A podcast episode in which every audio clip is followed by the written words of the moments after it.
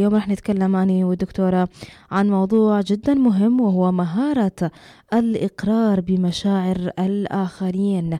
هذا الموضوع أكيد جدا مهم والدكتورة أنسام راح تعرفنا أكثر عن هذا آه، آه، العنوان وهذا الموضوع. فبداية خلينا نرحب بالدكتورة أنسام في صباح السلام. ونقولها صباح الخير دكتورة. صباح الخير ست بنان. صباح الخير جمهورنا الجميل. يا أهلا ومرحبا بيش دكتورة. آه، أكيد موضوع مهم جدا والكثير من الناس تنتظر أكيد آه، معرفة الأمور النفسية والتربوية بشكل عام في فقرة آه، يعني في فقرتنا في كل يوم أحد. معش دكتورة لذلك اليوم اختارينا موضوع هو مهارة الإقرار بالمشاعر. خلينا بالبداية نتعرف على العنوان. صيغة العنوان ممكن تكون غير مألوفة للبعض أو جديدة فاللي يسمعنا حاليا حاب يعرف ما معنى آه، كلمة أو جملة الإقرار بمشاعر الآخرين. الإقرار بمشاعر الآخرين هي اعترافك بأنه ما يشعرون به هو حقيقي وليس ادعاء. عارفين كل شخص من الأشخاص عنده خارطته الذهنية الخاصة به. بالفعل. يعني آه أنت كفرد متفردة بذاتك بمشاعرك بأفكارك برؤاش تجاه الأشياء. وأنا كذلك وكل واحد من عندنا إلى بصمته الخاصة بما يخص مشاعره وبما يخص أفكاره. فأغلب الأحيان في علاقاتنا اللي يصير آه، إنه إحنا نوصل إلى مشاكل. هذه المشاكل إحنا ما نعرف شنو سببها ما نعرف شنو اللي دي, دي يعني يحقن هذه العلاقة بكم من المشاعر الخطأ. آه، لما نجي نبحث عن أسباب هذا الموضوع نكتشف أنه الموضوع بسيط جدا وهي عدم إقرار الأشخاص بمشاعر الطرف الآخر.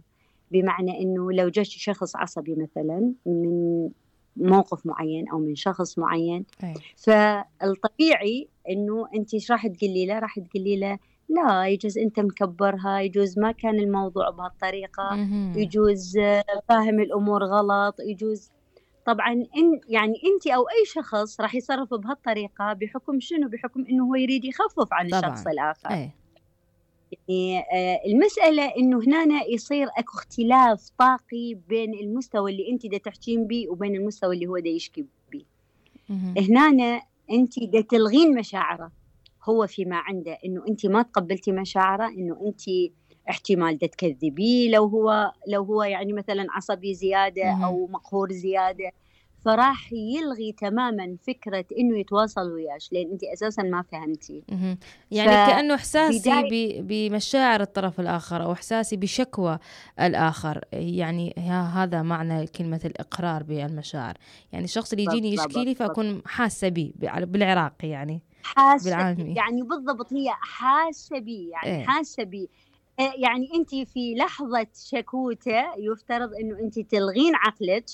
طبعا تلغين عقلك بتفكير يعني انت تكونين مخططة انه تلغين تفكيرك هنا تشتغلين وياه بالمشاعر. يعني شلون نقول؟ نقول نسوي له مجاراة. تجاريه في مشاعره. حلو. باللحظة الآنية باللحظة اللي يشكي لك بيها. حتى يصير أكو تناسب طاقي بين المستوى اللي انت دا تحكين بيه والمستوى اللي هو دا يحكي بيه. مو هو دا يحكي أفكار آه، مشاعر وأنت تجين تحكين أفكار تحكين وياها بالمنطق. صح. يعني هو يقول هي رافضتني. هي مدى تتقبل الشكوى مالتي؟ هي صافة ويا طرف الآخر. صحيح. أو تدافع عن نفسها إذا الإشكال وياك. صحيح. طيب دكتور وهذا يعمق الخلاف طبعا. طبعا يخلي المشكلة بطرفين يعني بعد بدل ما هو يجي يشكيك من شخص معين راح تصير مشكلة وياك أنت. فلذلك راح صاحب بالضبط. المشكلة خطايا راح تتأزم عليه الموضوع. طيب دكتورة أكيد باهميه الإقرار بمشاعر الآخرين. أنا من راح أحس بالشخص المقابل. آه كم نسبة آه حل للمشكلة؟ أو آه شنو اللي راح يتغير بكل منظور المشكلة هذه؟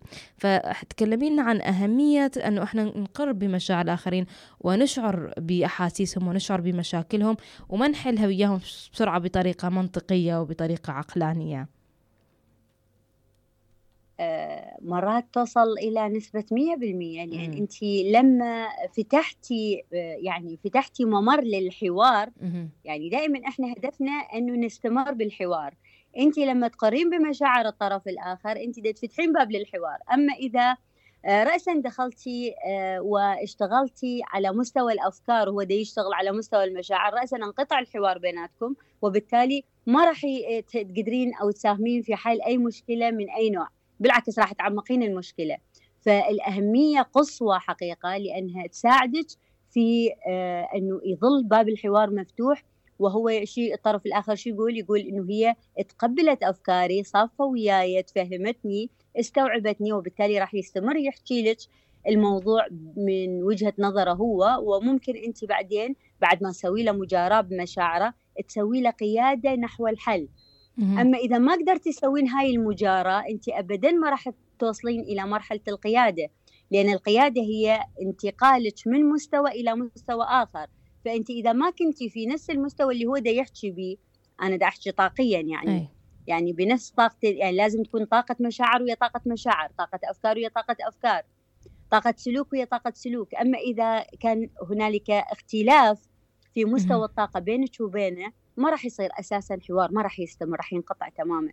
هنا المشكلة طيب آه ممكن يأثر آه امتلاك أو عدم امتلاك المهارة هذه مهارة الإقرار بمشاعر الآخرين على الأشخاص على العلاقات فيما بيننا.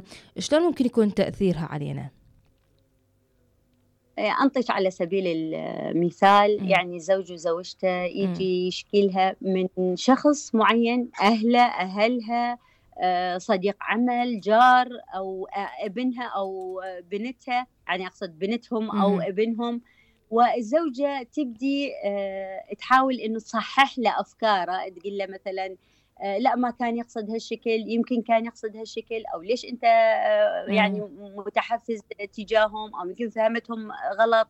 رأسا يصير أكو قطع بالحوار بين الزوج وزوجته ورأسا راح يتهم زوجته بأنه هي صافة مع الطرف الآخر. ممكن يتحول الموضوع من خلاف بينه وبين هذاك الشخص إلى خلاف بينه وبين زوجته. وبالتالي هذه طبعا هذه المشكلة دائما تحدث. دائما تحدث ودائما أنا كاستشارية أسرية آه، ينطرح علي هذا السؤال ليش إحنا دائما نختلف علما إنه ماكو مشكلة؟ يعني هي هاي هذا الإشكال. أنا ما كنت طرف بالمشكلة. أنا حاولت أحل الموضوع وهالشكل صار. إحنا نقول أنت حاولتي تحلين أو أنت حاولت تحل المشكلة لكن دخلت المدخل الخطأ. ما تناسبت يعني ما فهمت إنه هو ده يحكي بمشاعره. يفترض أنت تحكي بمشاعرك. وبعدين تسوي يعني أول مرة تسوي له مجاراة وبعدين تسوي له قيادة نحو المنطق ونحو التفكير العقلاني. لأن أي شخص إذا جاك مزعوج أو جاك عصبي أو جاك مغثوث أنت يفترض أن تتفهم مشاعره. فهاي مهارة الإقرار بمشاعر الآخرين تكسبك القدرة على إدارة الموقف وعلى حل النزاعات بينك وبين الآخرين حلو. بأسلم الطرق. وبأهون الخسائر ما تخليك تخسر الحوار تستوعبه لطرف الآخر تحتويه. طيب هاي المهارة هي مكتسبة لو فردية يعني موجودة منذ الولادة فطرية واحد ومن ولد هو هو شخص حساس وشخص يحس بالآخرين ومتفهم. لو ممكن شخص يكون هو يعني يحاول قدر الإمكان بتدريب معين بطاقة معينة يحاول أنه يتعلم شلون يكون شخص يحس بمشاعر الآخرين. حقيقة هواية أكو ناس آه، نعرفهم نقول هذا شخص متفهم هذا الشخص هو كيس هو فطن هو كذا. فهاي نسبة وجود هذه المهارة عند الناس هي نسبة نسبة طبيعية تقريبا من 2 إلى 6% عندهم هاي المهارة يجون للدنيا وهم يمتلكوها. لكن الباقيين آه عندهم كل خلينا نقول الإمكانية لاكتساب هذه المهارة بالتدريب بالقراءة بالاطلاع. بالاطلاع على خبرات الآخرين أيضا بأخذ استشارات من آه، مختصين. إحنا نقدم دورات تدريبية في هذا المجال أيضا. ليش؟ لأنه هذه مهارة تساعدك على آه، النجاح على مستوى العلاقات الشخصية وعلى مستوى علاقات العمل على مستوى حتى على مستوى الشركات حتى على مستوى فن التعامل مع الجمهور. هذه كلها لي يعني تخيلي أنت لو يجي زبون ومزعوج من منتج معين ويشوفه مندوب المبيعات وما يعامله بالطريقة يحاول يثبت له إنه منتجهم صحيح. أي. أكيد الزبون راح يكون عصبي وما راح يتفهم وراح يقول له أنت تحاول تدافع عن عن شركتك ومنتج شركتك. ما يحس إنه هو واقف بصفه. في حين إنه هذه المهارة مهارة آه، الإقرار بمشاعر الآخرين تنتج القدرة على استيعاب غضب الطرف الآخر وتحويل الغضب مالته إلى آه، أداة أنت تستعمليها لصالحك في حلو. إدارة الموقف يعني. بالعكس بعدين تفهميه شنو آه، الخطأ اللي صار بأهون الطرق لكن بشرط أنه تتفقون أول مرة على قاعدة مشتركة. والقاعدة المشتركة هذه ما راح توصليها والمستوى مالت الحوار يمشي بطريقين. يجب أن توحدين المستوى الطاقي للحوار اولا بعدين تبدين تحاولين تطرحين يعني الأفكار بطريقة منطقية وتعالجين الخلل اللي صار. يعني شنو وجهة نظرة تجاه الموضوع تفهميها لكن أول مرة تستوعبين مشاعره. إذا كانت ضوجه أو فرحة أو يعني حتى أحيانا يجي لنا شخص فرحان وإحنا ما بالمستوى الطاقي اللي يناسب الفرحة ما تهم يصير إشكال. يعني مو بس بحالة الغضب أو حالة الزعل.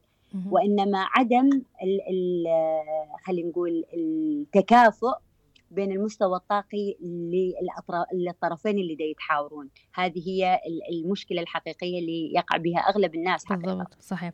طيب دكتورة أكو موضوع جدا مهم أكو حاليا يسمعنا. آه، ممكن يقول أنه أني ما أقول للشخص مثلا آه، ممكن حقك أو ما أجاري بموضوع من يجي يشكي لي آه، على مود لا مثلا مثل ما ذكرتي بالبداية اولا عمود لا أكبر مشكلة. بنفس الوقت أنا بهذه الحالة راح أختاب مثلا هذا الشخص الآخر أو راح ممكن أتهم اتهامات أنا ما أعرف عنها.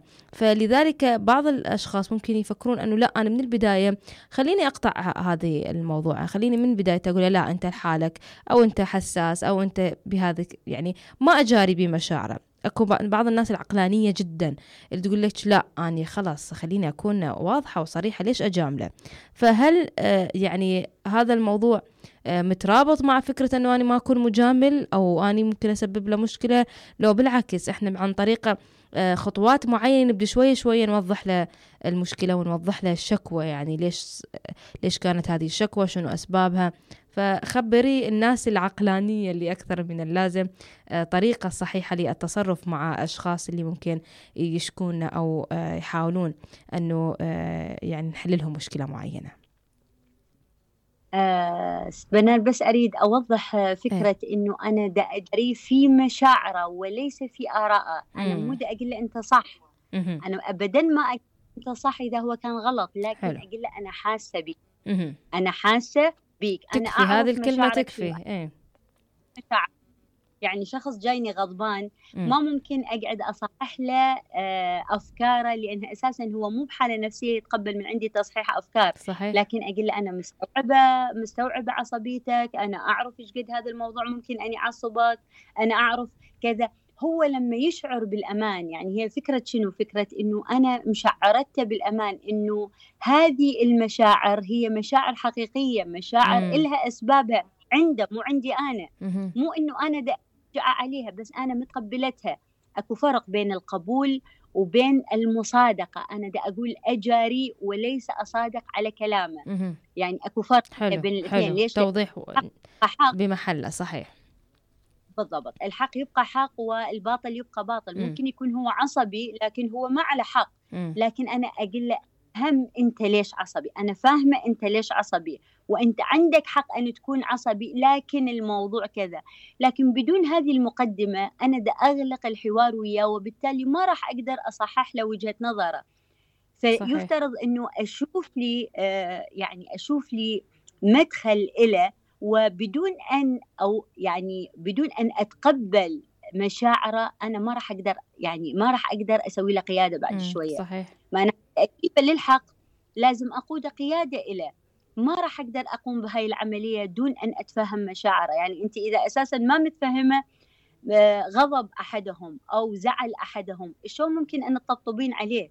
يعني قبل لا أطبطب قبل لا ارضيه قبل لا أشرح يفترض إنه أقول له فعلا أنت عصبي آه وهذا الموضوع فعلا يعصب. لو أنا فاهمته بهذا الموضوع بس ممكن أفهمه. يعني أول مرة هي المهارة شنو تقتضي؟ تقتضي المجاراة، بعدين القيادة، بعدين إعادة التأطير، يعني أحكي له السالفة بطريقة مختلفة من وجهة نظر أخرى يجوز هو يكون ما شايفها آه تعرف الإنسان لما يتعصب أو لما يزعل أو يكون هو شايف من منظار واحد فقط صحيح. فأنا من أسوي له آه قبول وأسوي أنطيه شعور بالأمان بعد شوية راح أقدر آه أنطيه رؤية أخرى للموقف ممكن تغير وجهة نظره تجاه الأشياء تغير مشاعره وبالتالي تغير أفكاره وسلوكياته.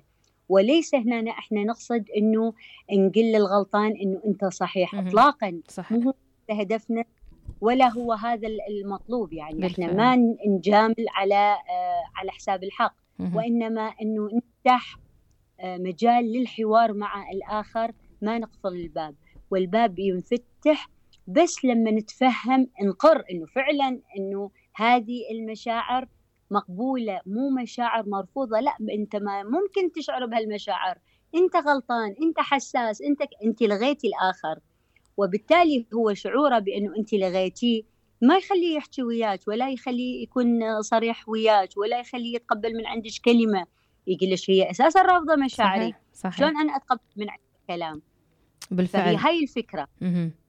إذا دكتورة أنسام المعروف الاستشارية النفسية والتربوية.